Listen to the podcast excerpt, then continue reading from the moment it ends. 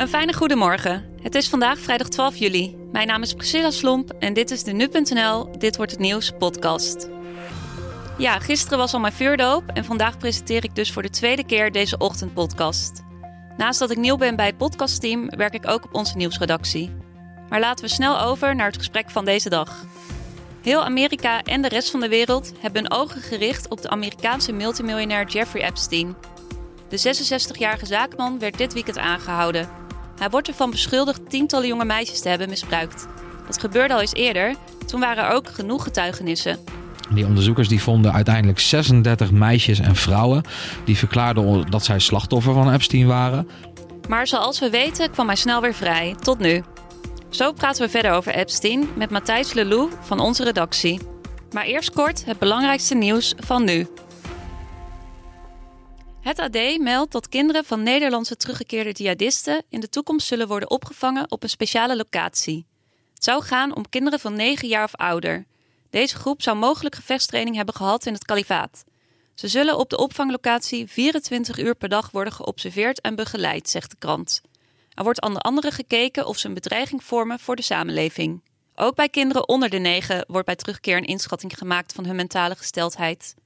Op dit moment zijn er nog geen kinderen geplaatst. Ook is niet duidelijk welke opvanglocaties in gebruik zullen worden genomen.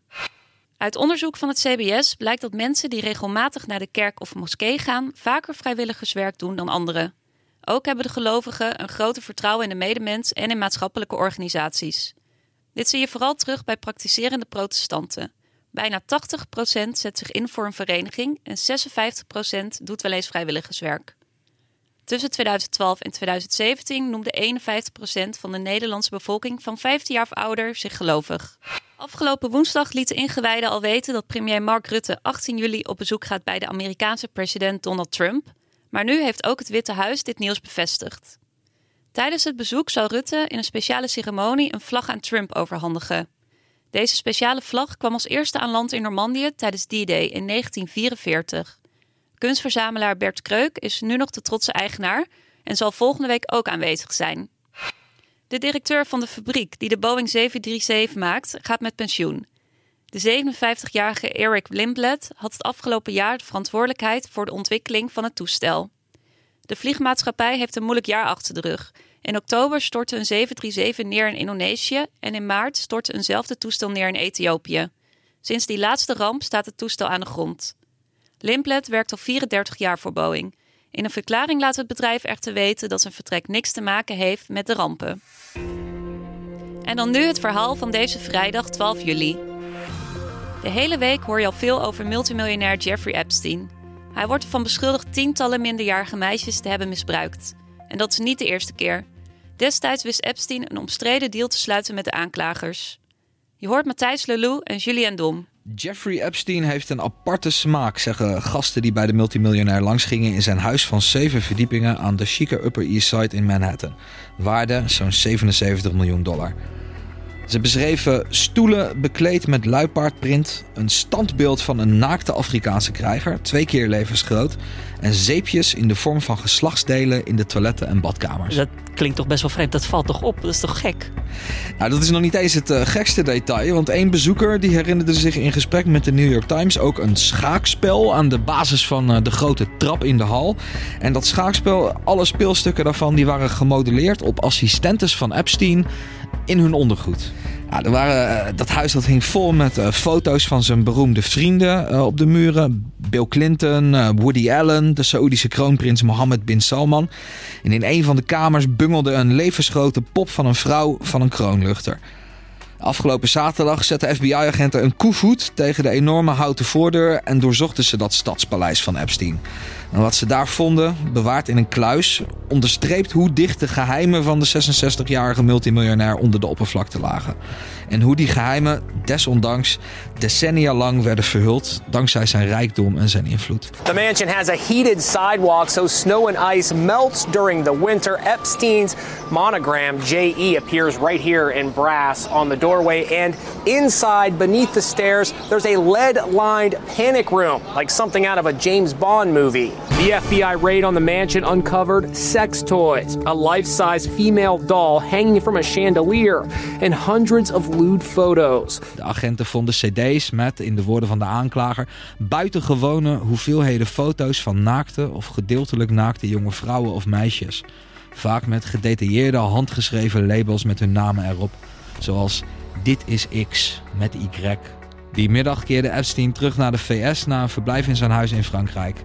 Hij werd op een vliegveld in New Jersey opgewacht door de New Yorkse politie en gearresteerd. Beginning in at least 2002 and continuing until 2005, Epstein is alleged to have abused dozens of victims by causing them to engage in sex acts with him at his mansion in New York and at his estate in Palm Beach, Florida. Hij wordt ervan beschuldigd tussen 2002 en 2005 tientallen minderjarige meisjes naar zijn huizen in New York, Florida en op de Maagdeneilanden te hebben gelokt en hen daar te hebben misbruikt. En waarschijnlijk is dat maar het topje van de ijsberg.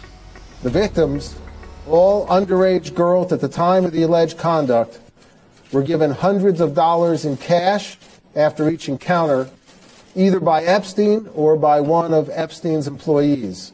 Ja, Matthijs, uh, nou hebben we heel veel al gehoord over Epstein. Maar de vraag is ook wel een beetje natuurlijk, wie is deze man eigenlijk? Ja, nou, uh, Epstein werd in 1953 uh, geboren in Brooklyn, een stadsdeel van New York. Hij was de zoon van een parkwachter. hij ging wiskunde studeren, maar haakte al na twee jaar af. Hij kreeg toch een baan als wis- en natuurkundeleraar op een hele dure, exclusieve privéschool in New York. En daar kwam hij het wereldje van de superrijken binnen. Via de vader van een leerling van hem kreeg hij in 1976 een baan bij een zakenbank, Bear Stearns, op Wall Street. En binnen vier jaar werkte hij zich daarop tot partner. Nou ja, Epstein die verliet die bank op een gegeven moment om zijn eigen vermogensbeheerbedrijf te beginnen. En alleen miljardairs die mochten daar aankloppen om hem met hun fortuin aan de slag te laten gaan. Er is uh, verder weinig bekend over wie zijn klanten precies waren en wat de omvang van zijn eigen vermogen is. Maar duidelijk is volgens mij dat die man echt wel geld heeft. Ja, dat ligt wel voor de hand. Want hij heeft onder meer luxueuze huizen, zoals we hebben gehoord, in New York. Ook in Frankrijk. En hij heeft zelfs een privé-eiland in de Maagdeneilanden. En hij vloog heen en weer tussen die bezittingen met een privéjet. En eh, die werd de Lolita Express genoemd. Die naam uh, die is gebaseerd op een roman van Vladimir Nabokov. Waarin een man van middelbare leeftijd geobsedeerd raakt door een jong tienermeisje. Nou, aparte naam om dan je vliegtuig daarnaar te vernoemen. Dat kun je wel zeggen, ja. Zeg, Epstein die is al eerder in opspraak gekomen vanwege zijn voorliefde voor uh, jonge meisjes. Hoe verliep dat dan destijds? Ja, in, in 2005 deed een 14-jarig meisje uit Florida aangifte tegen hem. Uh, zij zei dat een van haar klasgenoten haar meenam naar zijn huis, waar hij haar betaalde om hem een massage te geven, die, nou laten we zeggen, een erotisch tintje had. Ja, toen opende de politie in Florida een onderzoek en uiteindelijk belandde dat onderzoek bij de FBI. Die onderzoekers die vonden uiteindelijk 36 meisjes en vrouwen die verklaarden dat zij slachtoffer van Epstein waren. En hun verhalen die bevatten opvallend veel details die met elkaar overeenkwamen. Zoals hoe hij eigenlijk te werk ging om hun tot seks te bewegen. Uh, en zelfs uh, details van hoe zijn geslachtsdeel eruit ziet. Daar waren ze het allemaal uh, wel over eens. Dat, dat, dat, nou ja, goed, dat, dat weet je alleen als je het ziet. Dat zou je zeggen, inderdaad. En die, die meisjes die beschreven een soort seksueel piramidespel. Uh, dat Epstein hun niet alleen betaalde voor die massages, maar dat hij ze ook betaalde als zij andere meisjes naar hem toe brachten. Dat uh, FBI-onderzoek dat leidde uiteindelijk tot een lijst van aanklachten van maar liefst 53 pagina's. En die waren voldoende van ernst om tot een levenslange straf te leiden. Maar 53 pagina's en dit speelde begin jaren 2000 als we het zo horen. Klopt. Hoe kan het dan dat hij nu nog op straat was? Ja, dat is uh, waar het hem uh, nu, uh, waar, daar is nu veel over te doen. destijds huurde Epstein een team van privédetectives en dure advocaten in. En die brachten vooral die meisjes die hem beschuldigden in discrediet. Ze zeiden van ja goed, dat zijn kwetsbare meisjes, drugsproblemen, weet je wel, uit gebroken families. En daarnaast gebruikte hij zijn machtige vrienden om druk uit te oefenen op de politie en de aanklagers. Ja, dat hielp. In 2008 wist Epstein namelijk een deal te sluiten met de hoofdaanklager Alexander Acosta van het Openbaar Ministerie in Miami. Epstein die bekende schuld aan twee aanklachten van aanzetten tot prostitutie. Hij werd uh, bijgeschreven op het register voor zedendelinquenten en bracht 13 maanden door in een privévleugel van de gevangenis in Palm Springs.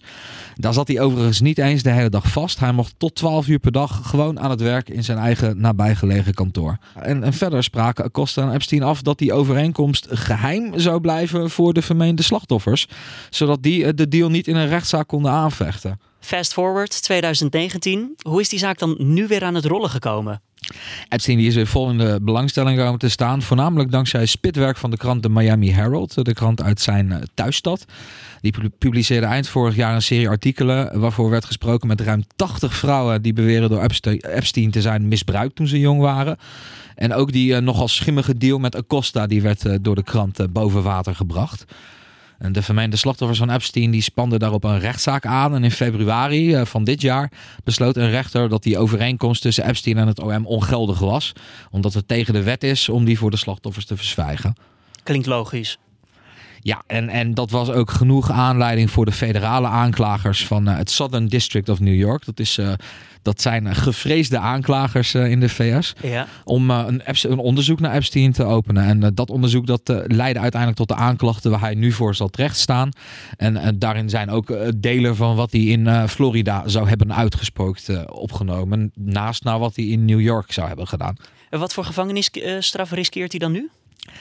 Als hij wordt veroordeeld, uh, dan uh, zou hij uh, zo 45 jaar de gevangenis in kunnen draaien. En aangezien hij nu 66 is, komt dat dan neer op een, een levenslange gevangenisstraf. En wat het natuurlijk nog veel pikanter maakt, is dat die man zoveel machtige vrienden had. van Bill Clinton tot de befaamde advocaat Ellen Dershowitz.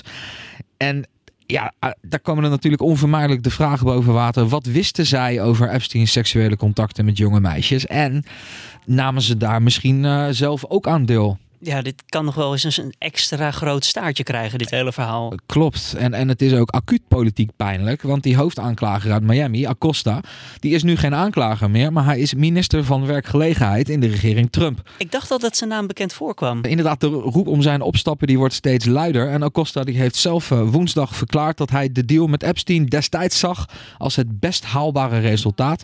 Omdat het bewijs tegen die man voornamelijk bestond uit getuigenverklaringen van, van vaak kwetsbare meisjes. Dus daar Costa zegt, ja, die zaak die was misschien niet zo sterk. En we hebben het in ieder geval voor elkaar gekregen dat hij dus 13 maanden de cel in moest, als je dat zo kan noemen. En uh, op dat uh, zedendelinquentenregister kwam te staan. Afgelopen maandag is Epstein dan voorgeleid. Heeft hij zelf nog eigenlijk een reactie gegeven over deze beschuldigingen? In de VS is het gebruikelijk dat je als je wordt aangeklaagd en je wordt voorgeleid, dat je dan zegt ik ben schuldig of ik ben onschuldig. Nou, hij heeft via zijn advocaat heeft Epstein laten weten dat hij onschuldig was. En hij heeft in het verleden, uh, ook rond die zaak in 2007, 2008, heeft hij ook al gezegd dat uh, alle meisjes waar hij contacten mee had, dat hij dacht dat zij 18 waren. Dat wordt overigens tegengesproken door, door de dames zelf, die uh, in veel gevallen zeggen van nou we hebben hem gewoon verteld hoe oud we waren. Uh, en Epstein die lijkt toch, uh, dit is ook wel pikant, hij lijkt zelf toch wel een soort van voorgevoel te hebben gehad dat uh, de tijden veranderden. Een voorgevoel? Een voorgevoel, en dat hij niet eeuwig zou blijven wegkomen met dat seksnetwerk van hem. Het, R. Corey Hay, dat is een PR-man uit de VS die Epstein een paar maanden geleden bezocht in zijn huis in New York. Die zei tegen het blad Town and Country... Hij heeft een muurschildering op zijn terras die de hele lengte van het gebouw beslaat van een gevangenisbinnenplaats met prikkeldraad en wachttorens. De gevangenen zijn aan het luchten en hij wees een van hen aan en zei: Dat ben ik. Dat dient om mezelf eraan te herinneren dat ik daar weer kan belanden. Je hoorde een bijdrage van Matthijs Lelou en Julien Dom. En dan verder vandaag in het nieuws. Roger Federer en Rafael Nadal staan vandaag om vier uur tegenover elkaar in de halve finale op Wimbledon. Het is de veertigste keer dat de twee tennissers de degens met elkaar kruisen. In de andere halve finale neemt Novak Djokovic het op tegen Roberto Bautista Agut.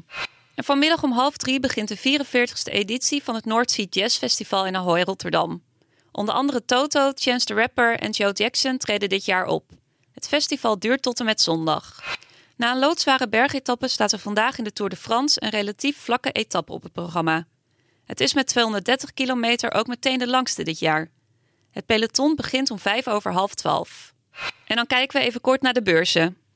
De aandelenbeurzen in New York zijn gisteren overwegend hoog gesloten, na de koerswinsten van een dag eerder. De toonaangevende Dow Jones-index sprak daarbij voor het eerst door de grens van 27.000 punten. Beleggers op Wall Street reageerden wel even met schrik op de tweet van president Donald Trump. Hij zei teleurgesteld te zijn omdat China niet aan zijn belofte zal voldoen. Het land heeft beloofd om grootschalige landbouwproducten van Amerikaanse boeren op te kopen. Het sentiment op de aandelenbeurzen kreeg wel nog steeds steun van de woorden van president Jerome Powell van de Federal Reserve. Beleggers maakten woensdag uit zijn toespraak voor het huis op dat er waarschijnlijk een renteverlaging aan zit te komen. Daarom eindigde de Dow Jones uiteindelijk met een plus van 0,9% op 27.088,08 punten. De breder samengestelde S&P 500 klom 0,2% tot 2.999,91 punten. De technologiegraadmeter Nasdaq daalde juist licht met 0,1% tot 8.196,04. En dan kijken we nog even naar Amsterdam. Daar zijn de beurzen met een kleine plus gesloten. De AEX-index op beursplein 5 eindigde 0,3% hoger op 566,99 punten. De midcap klom 0,5% tot 794,76. Op de beurzen elders in Europa waren vooral verliezen te zien. De handelszorgen staken hier opnieuw de kop op na de tweet van Trump. En dan het weer van vandaag. Het wordt een onstuimige dag. Er is kans op onweer, windstoten en zware regenbuien. In de kustgebieden schijnt de meeste zon. Verder is het wisselend bewolkt. In de loop van de dag nemen de buien in het binnenland verder toe en het wordt 20 tot 23 graden. En dan nog even dit. De 12-jarige jongen uit Den Haag, die niet mee mocht doen met de afscheidsmusical van groep 8, mag dit nu alsnog. De scholier mocht eerder niet meedoen van de school omdat hij de klas verstoorde met moeilijk gedrag. Hij moest tijdens de repetities een alternatief lesprogramma volgen. Zijn ouders dreigden daarop naar de rechter te stappen. Hun advocaat laat echter weten dat ze na intensief overleg met de school een oplossing hebben gevonden.